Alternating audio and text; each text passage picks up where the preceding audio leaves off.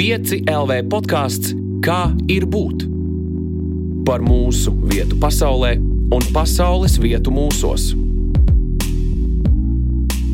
Sveiciens PCLV podkāstā Kā ir būt? Mans vārds ir Elīna Balskara, un te nu mēs esam atpakaļ pēc nelielas svētku pauzes. Ir sācies jauns gads, un tas ir laiks, kad mēs visu, ko apņemamies darīt. Un reizē mēs apņemamies un neko no tā neizdarām. Mēs varam pieņemt lēmumus, veikt izvēles, visu, ko mēs varam kontrolēt, bet vai mēs varam kontrolēt iedvesmu? Kā ir būt iedvesmotam, kaut ko radīt, un vai tas ir obligāti, lai pasaulē kaut ko ienestu? Un varbūt īstenībā tāds iedvesmas nemaz nav, ir tikai smags darbs. Par to šodien runāšu ar dziesmnieci Keitiju Bārbeli. Čau! Čau!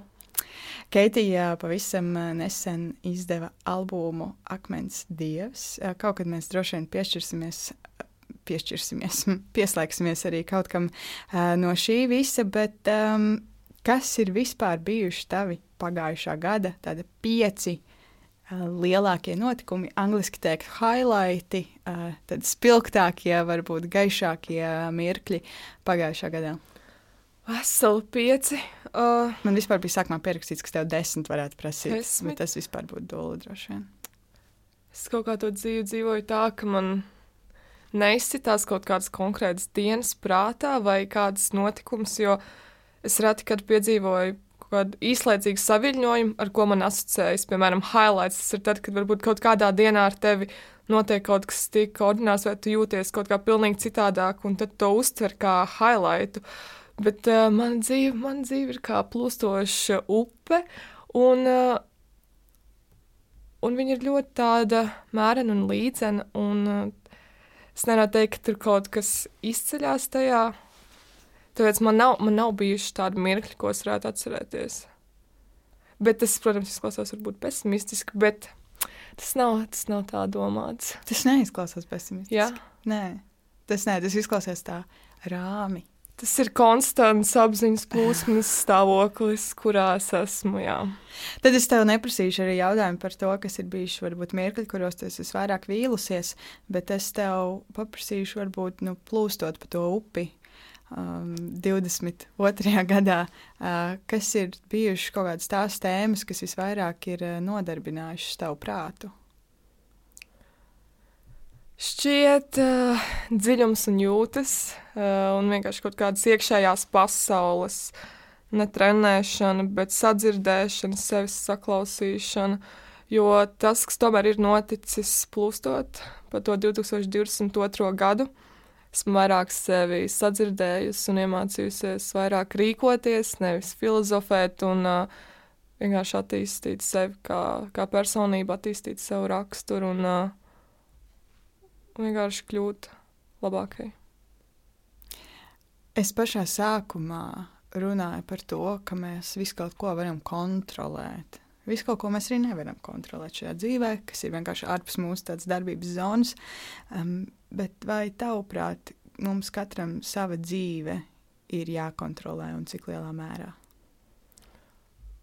Jā, mums ir jākontrolē savu dzīvi, bet ir jāsaprot, ka ir tās lietas, ko mēs savā dzīvē nevaram kontrolēt, un ir lietas, ko mēs varam kontrolēt. Tas, ko mēs nevaram kontrolēt, ir iznākums, bet tas, ko mēs varam kontrolēt, ir mūsu darbības. Un darbības arī noved pie tā iznākuma, bet uh, mēs tikai nekad nezinām, kāds tas būs. Kas ir tavas vietas un ko tu šajās vietās dari? Tā, nu, pirmā vieta ienāca prātā. Es tur esmu bijusi divas reizes. Nu, man ļoti patīk tā mangaļa sala. Jā, es nezinu, kāpēc. Tur tiešām ļoti jauki. Foršas taciņas. Uh, otra vieta, kas arī ienāca galvā, bet ko tā negribējās teikt. Nu, dažkārt gulta ir ļoti jauka vieta. Un uh, man laikam vairāk patīk būt vietā, nevis kas ir tā vieta. Jo vieta var būt arī ceļš no darba uz mājām vai pastaiga bezmērķīga. Un uh, vieta man ir atkarīga arī no laika. Tā ziņā, ka man labāk patīk vietas vakaros, lai arī kādas tās būtu. Mm -hmm. Kāpēc vakaros? Um, es nezinu, šķiet kaut kā pirmkārt mierīgāk. Lai gan tieši varētu šķist, ka jābūt pretēji, bet man laikam tie ceļi, ko es staigāju, ir tādi mierīgāki. Un man ļoti patīk gaismas uh, vakaros pilsētā, jo viņas ņirb gar acīm un uh, ja, ja, ieved tevi kaut kādā transa sajūtā dažkārt. Tur, stimulē smadzeņu darbību arī dažkārt. Ja tev jautātu, labi, es iedomājos, ka bieži, un es arī tā reizē mēdzu darīt, ka es cilvēkiem paprasu, kas tu esi. Un ir interesants tas brīdis, kurā viņi meklē atbildi, jo um, it īpaši šeit nevienmēr nāk priekšā tā profesija, vai es esmu meita vai māsa vai jebkas cits, kā mēs reizēm sev definējam kādiem statusiem. Bet nāk kaut kādas citas atbildes. Bet um, varbūt jānomen šis jautājums, un es tev varētu pajautāt, kāpēc tu esi? Jūs piedzimu. Bet tā ir taisnība.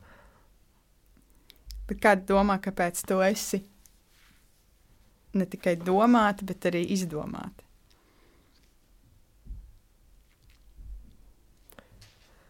Nu, es, protams, varētu izdomāt atbildi, Bet uh, es nezinu, vai mums cilvēkiem ir jānodefinē šī atbilde, jo kad kaut kas ir definēts, kaut kas, kas ir varbūt pārāk abstrakts vai, uh, vai tāds, ko mēs tieši nevaram kontrolēt, tad noteikti un definēt, kas tu esi, būtu kaut kādā veidā mēģināt kontrolēt to, kas tu esi, un tas ir kontrolēt nekontrolējamo, jo arī ar katru dienu un gadu mēs jau mainamies, un uh, definīcija šķiet, ka tam jābūt nu jā, kaut kam precīzam. Protams, arī var pateikt kaut ko, par ko es sev uzskatu, vai varbūt uzskatu tagad, bet uh, ņemot vērā, ka es tomēr nezinu atbildi uz šo jautājumu, un es neuzskatu, ka man tā ir jāzina, tad man patīk nezināt atbildi. Tas ir forši. tas ir tas, ko es gribu piebilst. Um, kamēr, uh, kamēr vien tā ir tāda mierīga nezināšana, Ziniet, kā reizēm ir, ir mhm. nezināšanas, kas mums satrauc, bet ir forši, ja mēs varam arī pieņemt mūsu nezināšanas kā kaut ko mierīgu. Kas tevi iedvesmo būt tev, ja kaut kas tāds vispār tavā dzīvē ir?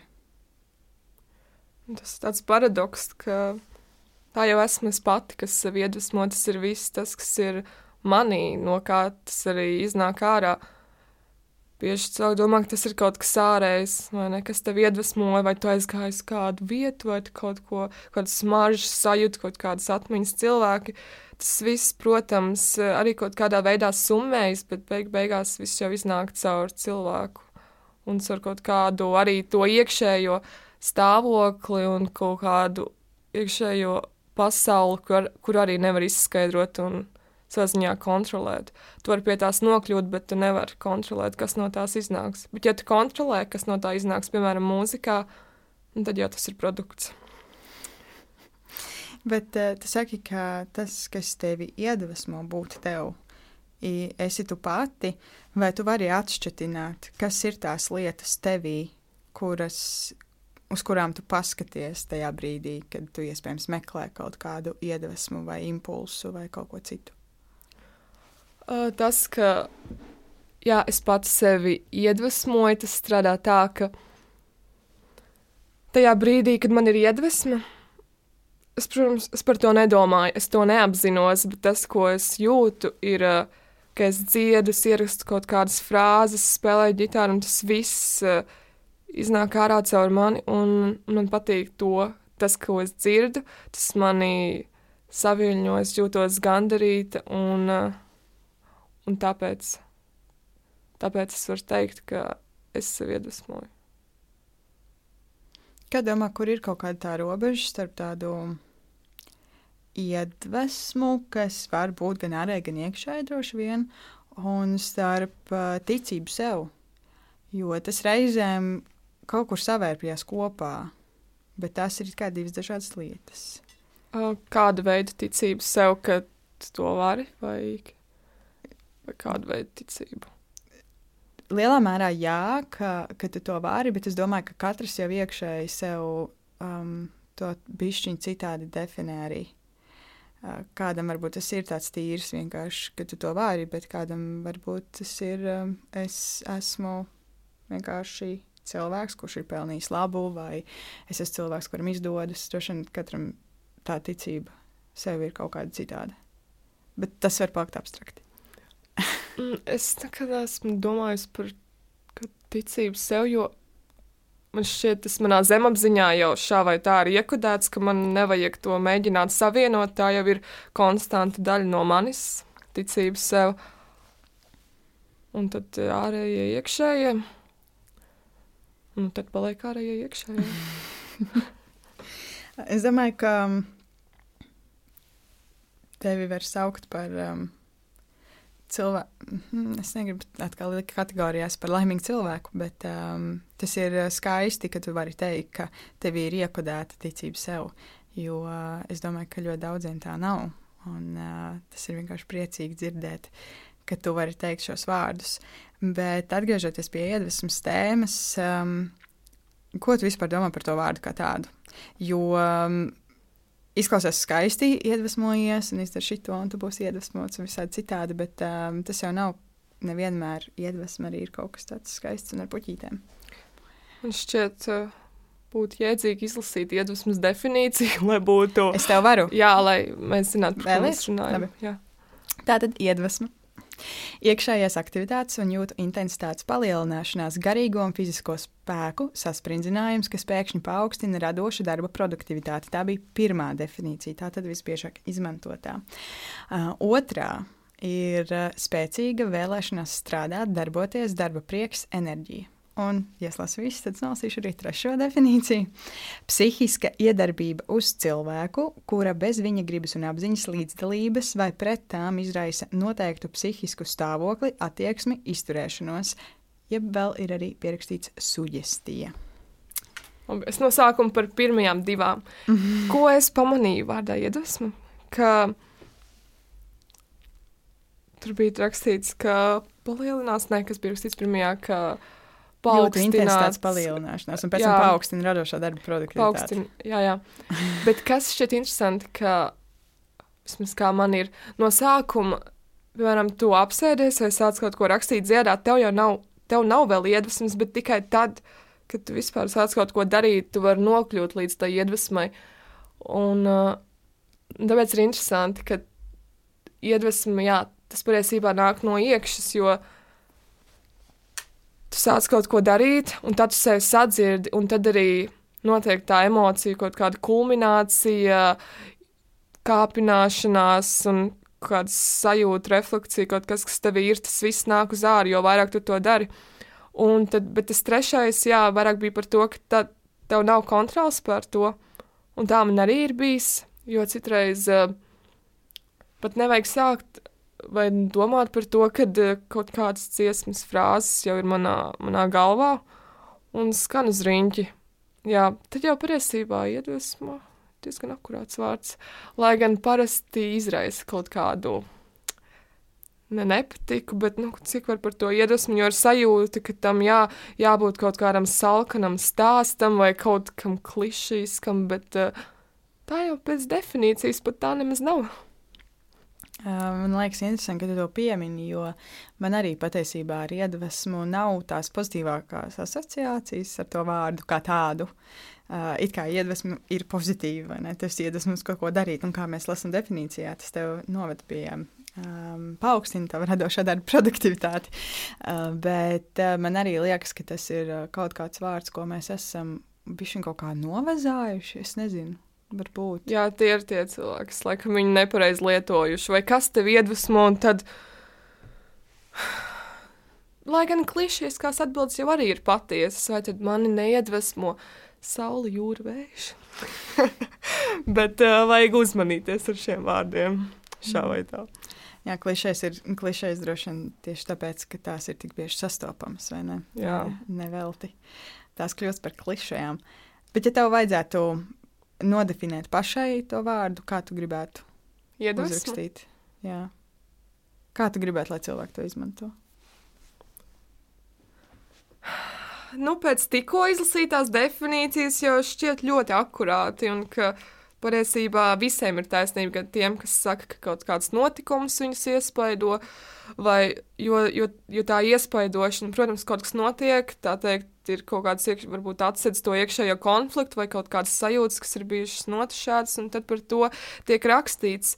Varbūt tas, ka bieži vien šķiet, ka tas ir izplatītākais veids, ar mani kaut kas notika, vai kāds kaut ko izdarīja, kas savā ziņā uzreiz, manā skatījumā, nedaudz nodeldē to vērtību, jo mūsos pašos iekšā, manuprāt, notiek tik daudz, kā gan sajūta līmenī, gan emocionālā, un uh, tas, ka vienmēr dziesmas bieži tiek saistītas ar kādu vai kādu notikumu, vietu, laiku, telpu, bet mēs jau esam arī savā ziņā tādas ļoti garīgas būtnes, kurām arī nevajag pie kaut kā piesaistīties, lai izjustu kaut kādu vispār kopējo pasauli un, un visumu eksistenci. Kas ir tās lietas, kas notiek tevī? Hmm, tagad jāpadomā par tām dziesmām, ko es tur sarakstīju. Uh, ja tu dziedi arī par uh, mazo, mazo pasauli. Um, cik manā, maz, mana mazā pasaule, un es tieši domāju, kas ir tā tā mazā pasaule, kas tur notiek. Tas, kas tur notiek, es, es nezinu. Uh, vienkārši kaut kāda sajūta, kaut kāda sajūta risināšana. Lai gan es jau pati rakstu, jā, atzīstos tās romantiskās dziesmas. Vismaz tā viņas izklausās, bet, uh, mm, bet tā jau ir vienkārši tā mīlestība, kas arī no paša cilvēka nāk ārā. Un tas ir arī par sevis pieņemšanu un to, vai tu pats sevi mīli, vai tu spēj sevi saskatīt. Un, uh, Mums jau visu laiku, katru dienu, 24, 7 ir attiecības ar sevi, vai mēs to gribam vai nē. Bet uh, ir cilvēki, kas varbūt par to neaizdomājas, un kas sevi vispār neredz kā cilvēku, būtu, ar kuru būtu vērts runāt, vai veltīt tam laiku, vai iedziļināties viņā. Bet, kad to sāk darīt, tad paliek jau interesanti. Jā. Kā tu sadzīvo ar sevi? Šķiet, uh, pēdējā laikā diezgan labi. Uh, jo esmu iemācījusies rīkoties, nevis tikai runāt un domāt. Kur ir tā starpība, kas tev pamudināja pirmkārt sākt domāt par to, ka tev vajag iemācīties rīkoties, un kas aizveda tev pie tā, ka tu tiešām arī sāki rīkoties? Nu, es, ne, es neatcerēšos, kas to pamudināja, bet uh, Visi zina, ka darbība jau pie kaut kā novada ne jau domāšana, un tas ir par to saņemšanos vai kaut kādu ieradumu laušanu, ka tas ieradis visu laiku domāt, domāt, bet eh, tas jau nepie kā nenovedīs. Un tad, kad tu sāc darīt, arī tavs ķermenis, tavs prāts saprot, ka tā ir daudz, daudz foršāk dzīvot, un uh, tas noved pie kaut kādām jaunām iespējām, jauniem atklājumiem, un tā ir daudz interesantāk, un tas jāpatur prātā katru reizi, kad negribas kaut ko darīt vienkārši rakstura audzināšana, varētu teikt. Beidzot, esmu tikusi arī līdz disciplīnas daļai savā dzīvē.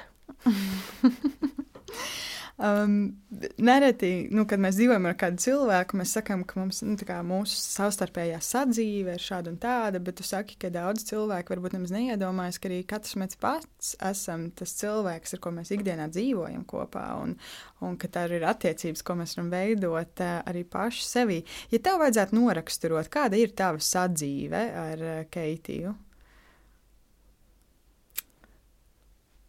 Diezgan. Hmm Parunāsim. Mierīga pirmais vārds, plūstoša, kā jau vienmēr, un ļoti, ļoti nesteidzīga. Varbūt pat varētu teikt remdena, lai arī ko tas nozīmētu, bet tāds vārds arī ienāca prātā. Un jā, tas tāds miers un nesteidzība ir tas, kas man nāk prātā. Vai tev ir kaut kādi savi rituāli, vai prakses, vai tradīcijas, kurās tu visvairāk satiecies pati ar sevi? Mm, šķiet, man vēl nav tāda, bet es domāju, varbūt vajadzētu sākt taisīt. Bet uh, pagaidām tie rituāli ir uh, tas, kas arvien vairāk apzinos, ka es esmu šeit, ka kas esmu cilvēks, ka man ir šī iespēja dzīvot un ka man sev pašai jāuzdod vairāk jautājumu. Un katru reizi, kad es atceros, ka es esmu šeit un es sev varu uzdot kaut kādus savus jautājumus, un es varu dzīvot šo dzīvi, tad es uh, arī nonāku pie sevis, kas nozīmē, ka tas var būt jebkurā mirklī, jebkurā vietā. Kas ir tie jautājumi, ko tu sev uzdod? Kaut vai ko es gribu, ko es daru. Un, piemēram, sēdi gultā, gan jau telefona atkarība, kaut kas tāds, bet tu vari apstāties un sev paprasīt, ko es daru, ko es gribētu dzīvē darīt, kas man ir svarīgi, un tas viss palīdz tikt vaļā no, no šīm lietām, kas uh, aizaino svarīgāko, jo mēs jau zinām, kas mums skaitē, bet uh, mēs to ļoti reti kad konfrontējam vai domājam, kā tikt ar to galā. Un uh, pēdējā laikā es mēģinu sev vienkārši vien biežāk atgādināt, kas ir tas, ko es patiesībā vēlos darīt, kas man sagādā prieku un kāpēc ir tā vērts pārvarēt to pirmo momentu, kad šķiet, es negribu, un to var pārvarēt, pasakot sev, ka tu ļoti labi zini, ka tu jutīsies lieliski, ka tu to izdarīsi, un tu būsi gandarīti, un tu būsi arī kļūsi gudrāk. Tu saki, ka ir kaut kādas lietas, kas aizēno tas patiesās, patiesi svarīgās lietas dzīvē.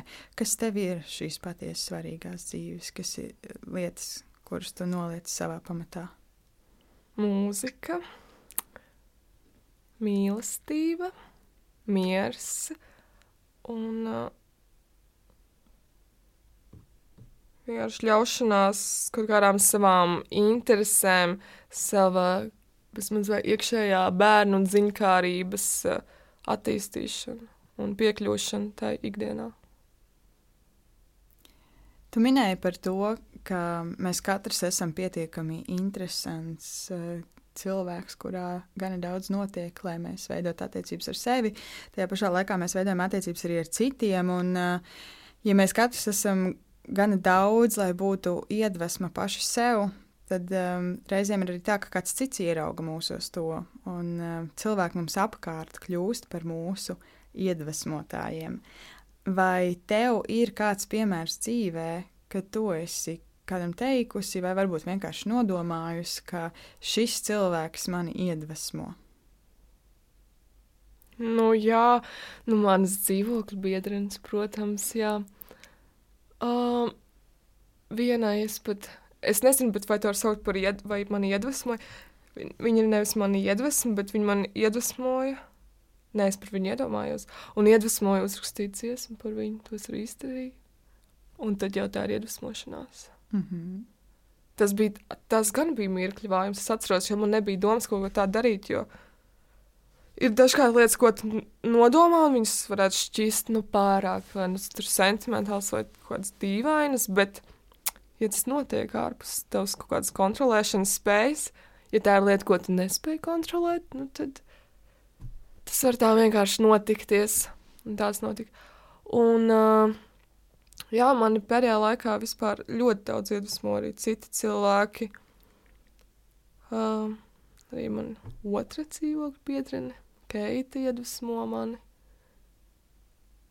Kas um, raksturo tos cilvēkus, kas tevi iedvesmo?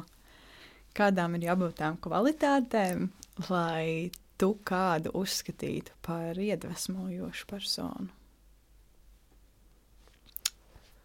Es nezinu, tās kvalitātes var būt dažādas. Nav tā, ka tas ir kaut kas konkrēts, bet uh, nu, tās pamatlietas ir pirmkārt laba sirds, cieņa pret citiem.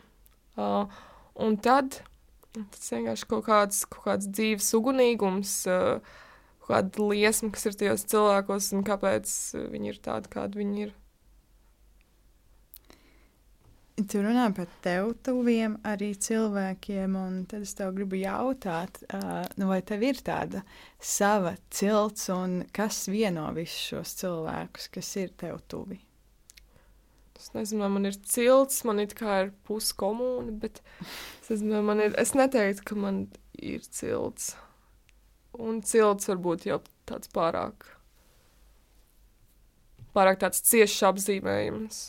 Jo tomēr kaut kā jāmāk katrs par sevi, viss par visiem, viens par vienu, ka it kā savā ziņā mēs dzīvojam tās dzīves, it kā kaut kādā veidā paralēli, kaut kādā veidā netika paralēli, un tas ir balans kaut kāds mistisks. Bet kā tev liekas, kur ir tas līdzsvars tajā, ka mēs uh, dzīvojam tādā interesantā kultūrā, kas aizvien vairāk ir vērsta uz individu, uz mūsu ka katra um, panākumiem, arī vēlmēm, sapņiem un uh, personībām. Un mums ļoti daudz, vismaz mūsu kultūra telpā, atgādina tu, tu, tu, tu. tu un, uh, mazāk parādās tie narratīvi, kas atgādina mēs un mūsu nozīmi. Um, Covid pandēmijas sākums un uh, vēlāk arī karš Ukrainā. To nedaudz izmainīja, jo mēs sajūtām, man liekas, vairāk to mēs sadaļu, bet uh, joprojām uh, Tas ir vismaz manā acīs kaut kas, pie kā mēs varam strādāt.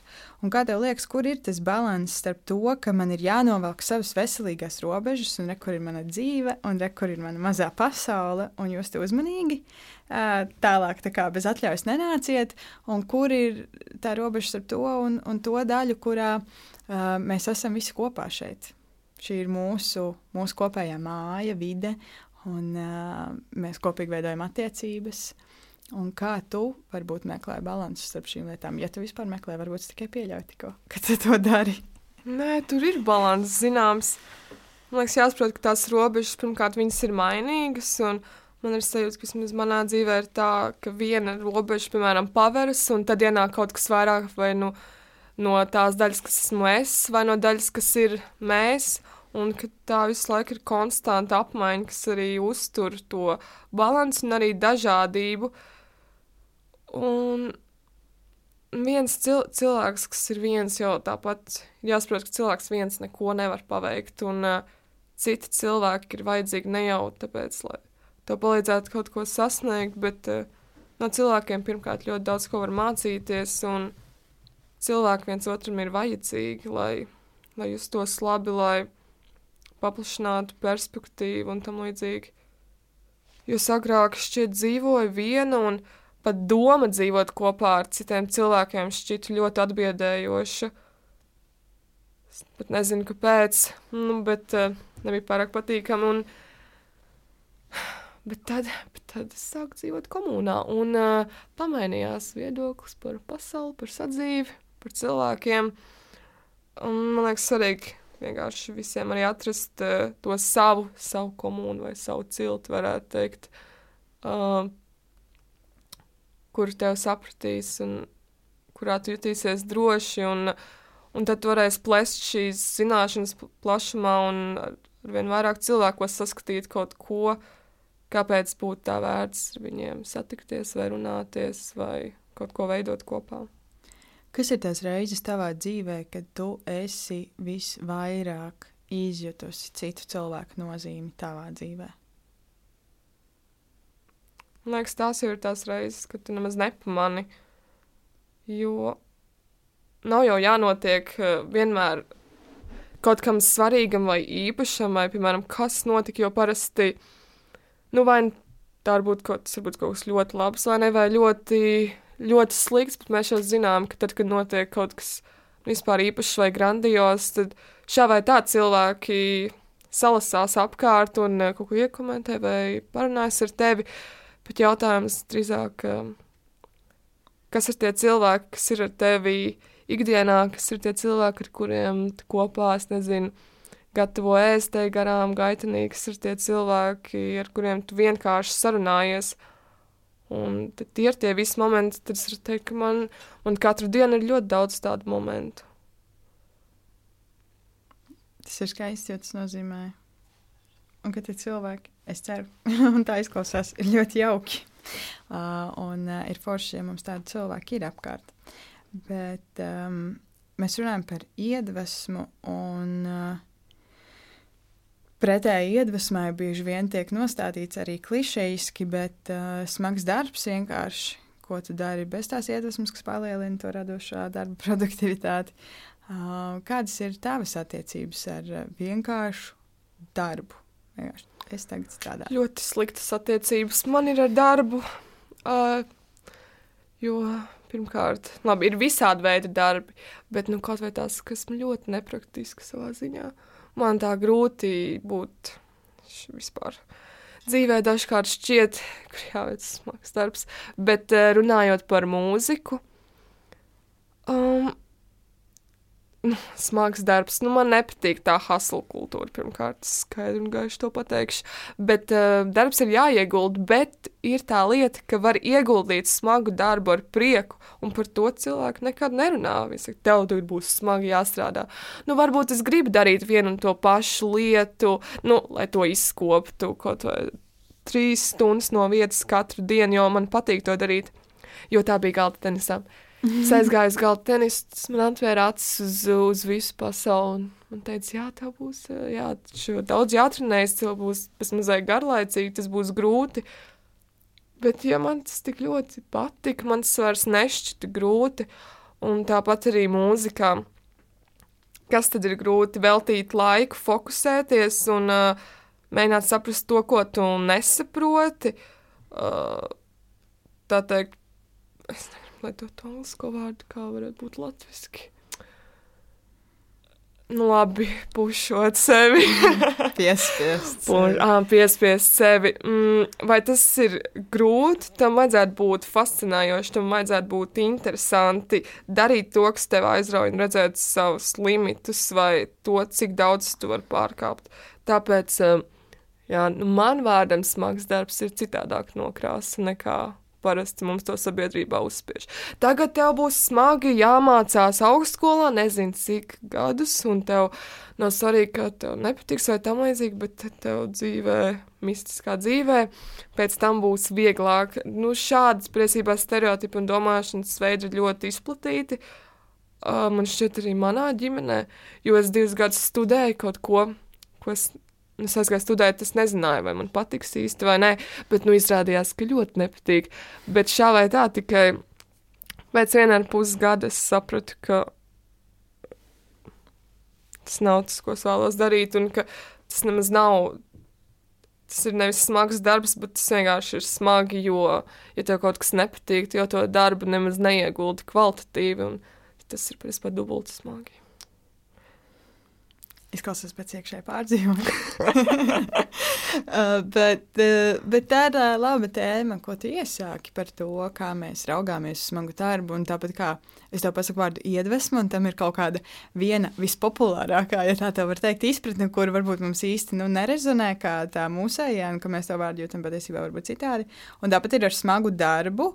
Cik interesanti, ka tas ir tik dziļi kaut kādā veidā varbūt mums arī ieaudzināts un izstāstīts, ka tā ir automātiski tā um, perspektīva, kādā mēs to uztveram. Nu, kā tu arī uzreiz sāc skaidrot par to, ka tas ir varbūt jāskatās citādi. Kā domā, kāpēc tā ir? Kāpēc pasakot smags darbs, mēs uzreiz domājam, ka tas nozīmē mācīties četrus gadus augstskolā kaut ko, kas mums totāli neinteresē.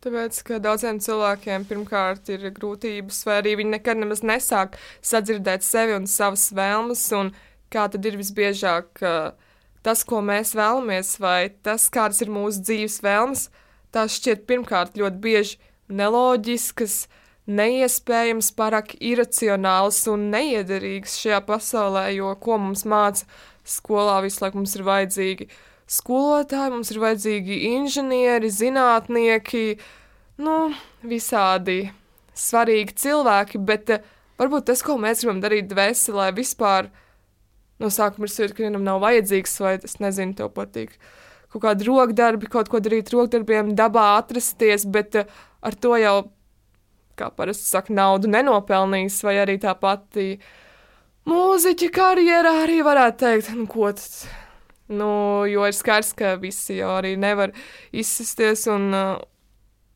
un ka tas ir, uh, ir liela iespējamība, jā, vai ne, ka nesanāks. Un, uh, kas bija tas jautājums par to? Kāpēc mēs smagu darbu darām? Kāpēc mēs darām smagu darbu? Un tad, un tad mums atliek strādāt pie kaut kā, kas nav mūsu sirds aicinājums, un, protams, ka tas ir smagi.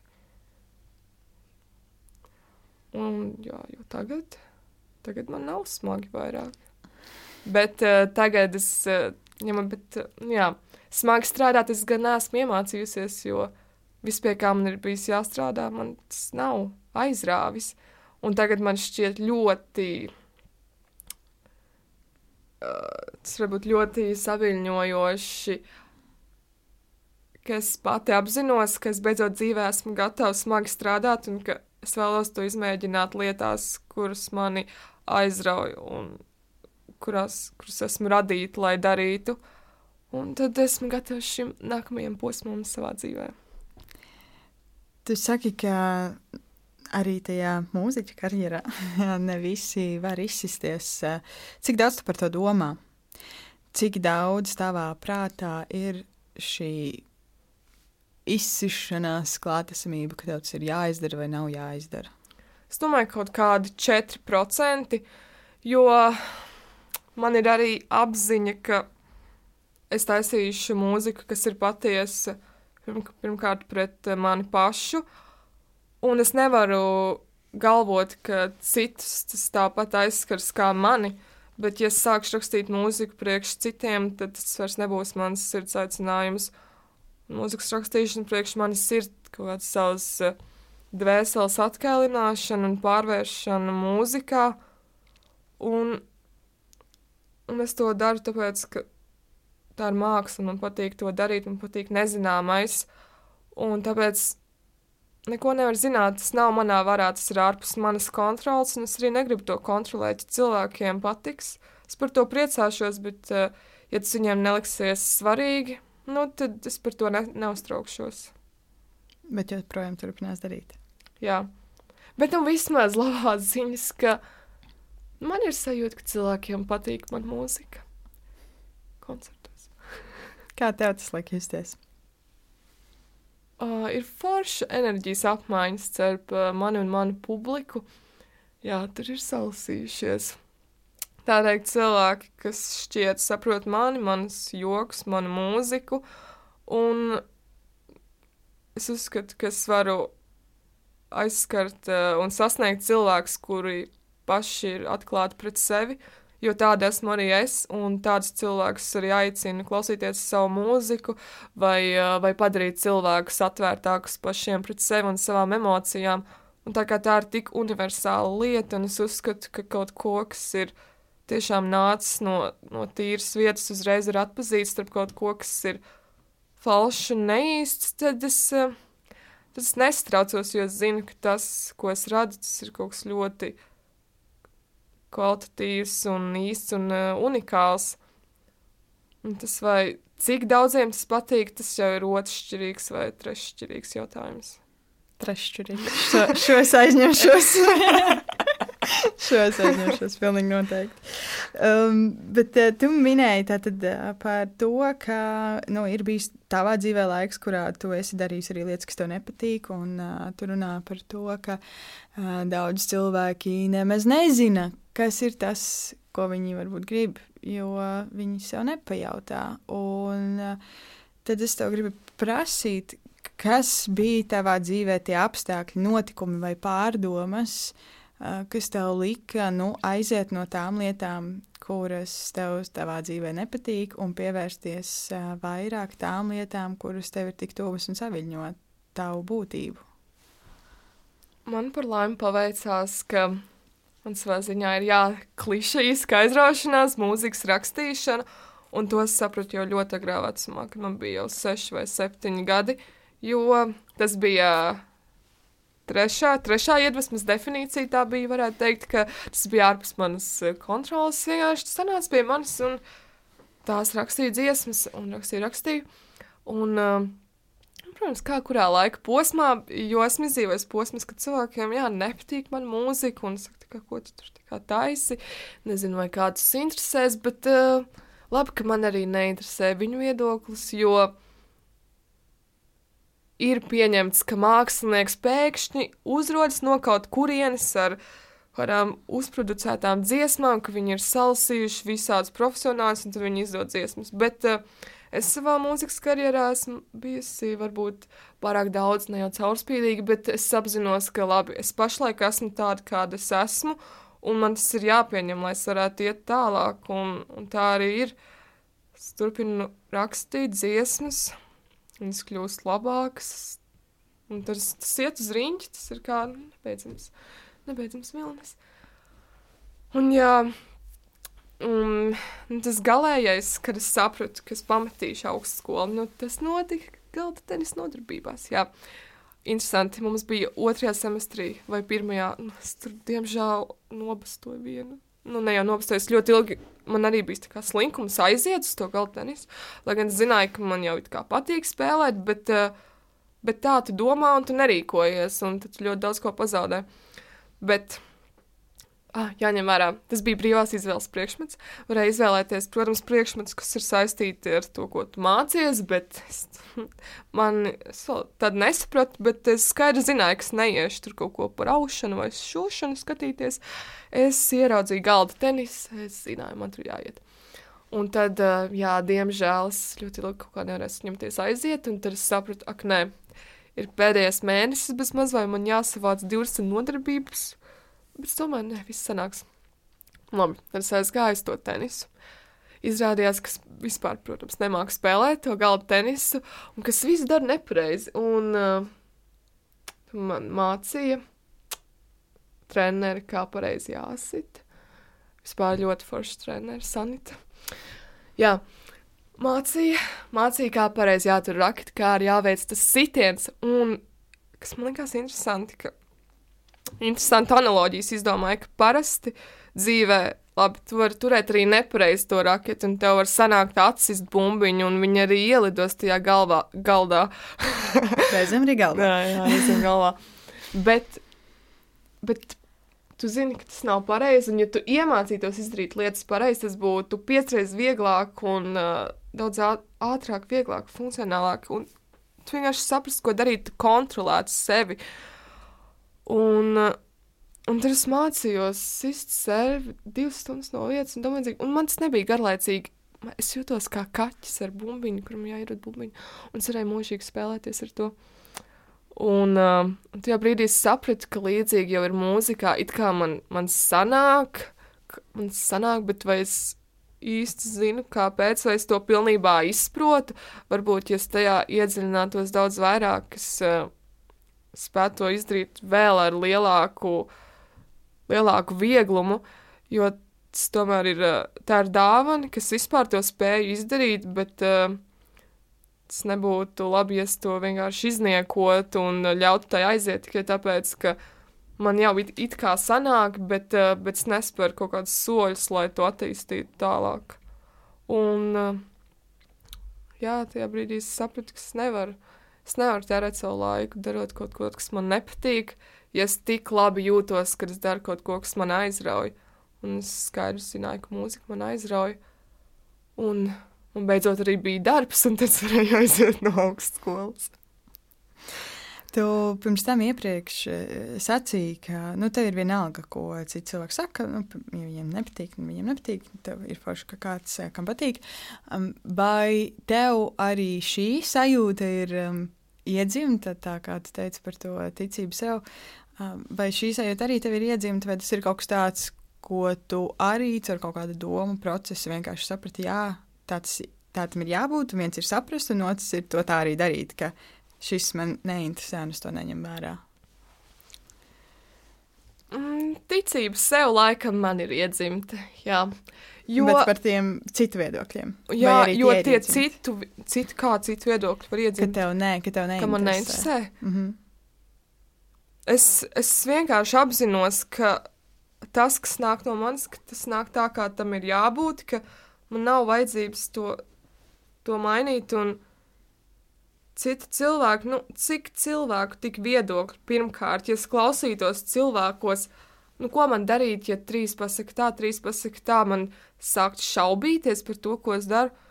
Nē, es kaut kā vienkārši mēģinu, nevis mēģinu, bet neņemu to pie, pie sirds, kas gan dažkārt ir grūti, jo, piemēram, uh, Jo man attieksme savā ziņā pret labiem komentāriem ir gandrīz tāda pati kā pret sliktiem. Man tāds, nu, ok. Un dažkārt es jūtos, vai, vai draugs saka, bet tāpēc koncepts pienāca klāt, meitene, un tā, tā kā tik labas lietas sacīja, un tu tur bez mazā stāvēji ar pokerfeisu, bet es teicu, nē, tā nebija. Es klausījos intensīvi, bet, um, jā, tās ir tādas laikam tāpēc, ka viss gandarījums jau ir brīdī, kad to dziesmu saraksti vai izpildi, un tas, vai citiem patīk vai nepatīk, tas ir tāds ok moments. Ja patīk, priecājos, ja nepatīk, nu, neko darīt, nu, nesapratu cilvēks, nesmu priekš viņiem domāta. Un tāpēc ar kritiku īsti labi tieku galā.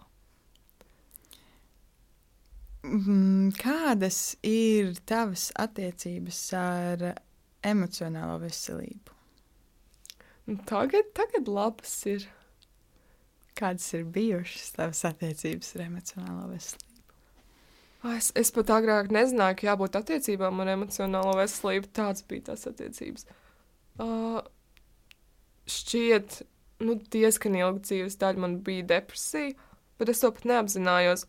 Lai gan man pat trīs reizes noteica diagnozi veģetatīvā distonija, es domāju, nu kas tas tāds nevar būt, ka uz kaut kādu nervu pamatu un uz emocijām, ko man šķiet, ka es nejūtu, jo vienkārši emocijas ar laiku viss var kļūt vienādā pelēkā masā, un to šķiet, kā, kas tur, es arī domāju, kā gan es varu stresot, ja es neko nejūtu. ah, tie tik bija laiki. Bet pēc laika sapratu, ka tas jau nav iespējams neko nejust. Paga, paga tad es sapratu, ka jā, vienkārši arī daudz emocijas tiek apspiestas, nu, vismaz vai visas emocijas.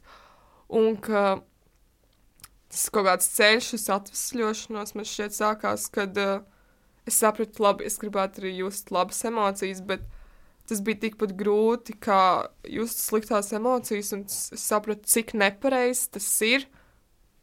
Kaut kas bija jādara lietas labāk, bet nu, tas bija tāds ļoti lēts process, un tur palīdzēja cilvēki, citi cilvēki. Tas, ka tu vispār satiec ar viņiem, iepazīsties un uh, pamainās vispār redzesloks skatījums, skatījums uz to, kādas var būt attiecības ar cilvēkiem, kāda vispār var būt cilvēki un pieredzes un kā viens otram var palīdzēt vienkārši ar to, ka jūs uh, esat un saprotaties. Ar ko visvairāk atšķiras? Eh, es saukšu to par apātisko keitīju. Nu, apātija kā mirkli, kurā tu nejūti emocijas, eh, ne labas, ne sliktas. Ar ko visvairāk atšķiras apātiskās eh, keitijas dzīve no dzīves tagad?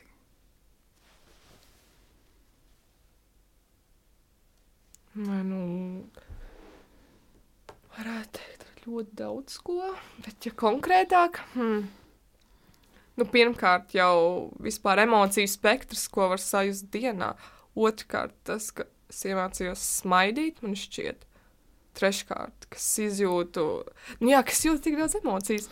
Entuziasms, interese, kaut kāda ziņkāra, pacilātība, nu, visāds tādas sajūtas. Un, uh, un tas, kas esmu iemācījusies sākt rīkoties, lai gan vēl nevaru teikt hop, pirms neesmu pateikusi hip hop. Bet uh, Jo es tikai diezgan nesen patiesībā tiešām saņēmos, saņēmos. Bet drīzāk nevis saņēmos, bet sapratu, ka man vienkārši sev pašai tas jāpajautā un uh, vairāk sevi jākomunicē, nevis jāignorē. Jo, ja tu ignorē lietas, tu mūžīgi ignorēsi, var pilēt mājai jumts, bet ja tu to ignorēsi, tad vienā brīdī tas iebruks, un tā ir tava izvēle, vai sākt remontēt to jumtu, vai vienkārši ļaut, lai viss māja sabrūk. Un uh, jā, ar to arī atšķirās šī jaunā Keitija, ka viņa tomēr sev parunājas nedaudz un uh, izlēma, kas būtu, kas būtu labāk, kas būtu sliktāk, kā būtu pareizi rīkoties un kā es vispār vēlos dzīvot. Un varbūt noticēt tam, ka es varu dzīvot tā, kā es vēlos. Bet tu esi cilvēks, kurš emocijas jūt arī fiziski? Jā, jā. Tāpēc jā, es, man bija tās diagnozes, jo bija visādas sāpes mūždienas, sirds sāp, vēders sāp un šķiet tik ļoti sāp, ka nu, tur jau jāoperē bez mazai, bet nē, izrādās. Aizbrauc, visu pārbaudīt, tev viss kārtībā, bez mazai kāpēc tu brauc uz slimnīcu, un es joprojām neticu. Saku, nē, nevar būt, gan jau man ir tik reta slimība, ka ja viņi neuztaisīs vēl vienu izmeklējumu, es nezinu, kas ar mani notiks nu, izrādījās, ka tomēr tiešām nekas nav. Un tagad arī jaunā Keitija vairs neiesprings, ja arī notiek kaut kas, ja es savainojos vai kaut kas notiek, jo parasti man šķistu, ak, nē, man pēc iespējas ātrāk ir jānokļūst slimnīcā, lai man pārbauda, vai man viss ir kārtībā. Bet tad, piemēram, nu, man sanāca apcināties vienreiz. Un es skatījos spogulī uz sevi un domāju, nē, mans ķermenis spēj šo sadziedēt. Un, un ja jau man nesāp tik ļoti, ka es tur gribu raudāt, gan jau tas tiešām nav nekas traks. Nu, pēc četrām dienām man pārliecināja dzīvokļu pieturni aizbraukt pārbaudīties, un es uzzināju šo pašu informāciju, ko es jau sev pateicu spogulī, ka tas viss atzīstas ir nieks.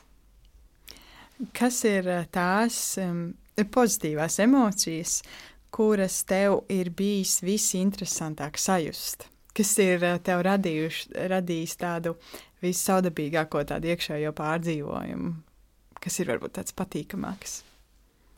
Nē, nu vispatīkamākais ir tas, kad es.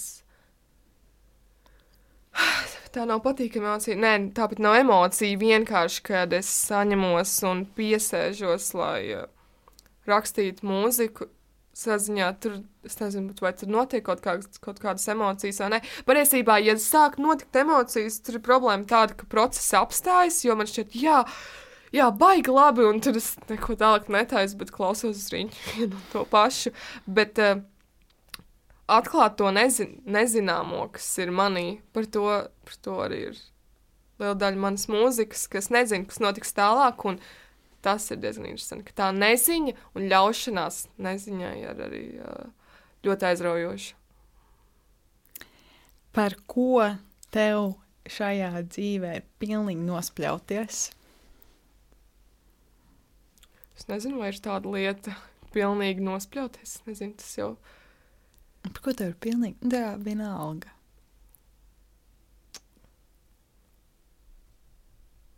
Hmm. Es, nesru, es nesaprotu par kaut ko, pilnīgi vienalga, tāpēc, ka viss ir savā starpā tik ļoti saistīts, pat ja mēs to neapzināmies. Tas ir tāpat kā no kaut kādas ķēdes vai ekosistēmas izņemt vienu lietu, kas šķiet, ah, šī nav vajadzīga, un visa pasaule var sabrukt.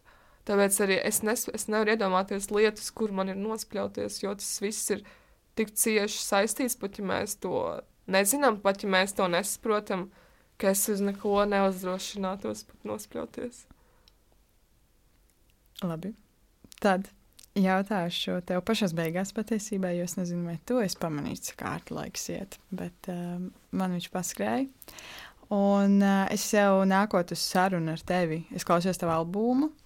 Un, ja tev būtu jāpasaka tagad viena dziesma no tava jaunā albuma, uh, kura būtu jānoklausās uh, pēc šīs sarunas uzreiz, uh, kuru tu nosauktu un kāpēc? Nu, klausieties, ak, ak mans dievs, jo tas ir, teiksim, tāds mazs karuselis. uh, man dzīve nav negan karuselis, bet, nu, nedaudz. Uh, jo tā, tā dziesma reprezentē kaut kādu ja tu īsti nezini, kas notiek, un ir tāds emociju piesātinājums, bet uh, beigās jau nu, jādzīvo tālāk. Ir nu, dzīvosim tālāk. um, man liekas, tas ir uh, tieši labs uh, ceļavārds patiesībā. Jaunajam gadam, pēc pāris gadiem, kas mums visus ir tā bišķiņi samocījuši, arī tā, viss kaut kāda pārdzīvojuma ir um, jādzīvo tālāk, vai ne? Jā, nav izvēles. Jā, izvēle jau ir vienmēr, bet uh, ir jādzīvo tālāk. Jo, kā jau saka, tur nevar zināt, kas tur uh, tālāk uh, iznāk ārā. Un, uh, ko novēlu gan tev, gan uh, visiem tiem, kuri mūs uh, klausās, lai tur tālāk notiek uh, foršas, priecīgas lietas.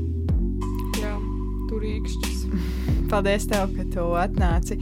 Paldies arī tev, ka tu klausījies. Um, Mēs tiekamies eh, pēc nākamās nedēļas, pēc vienas nedēļas, nākamajā pirmdienā ar uh, jaunu epizodi. Par ko tā būs, vēl nestāstu, bet uh, zinu, ka tiekamies. Tāpēc nepalaid garām, piesaku tajā straumēšanas platformā, kurā klausies, kā ir būt, lai neaizmirstu. Pagaidām es te saku, atā!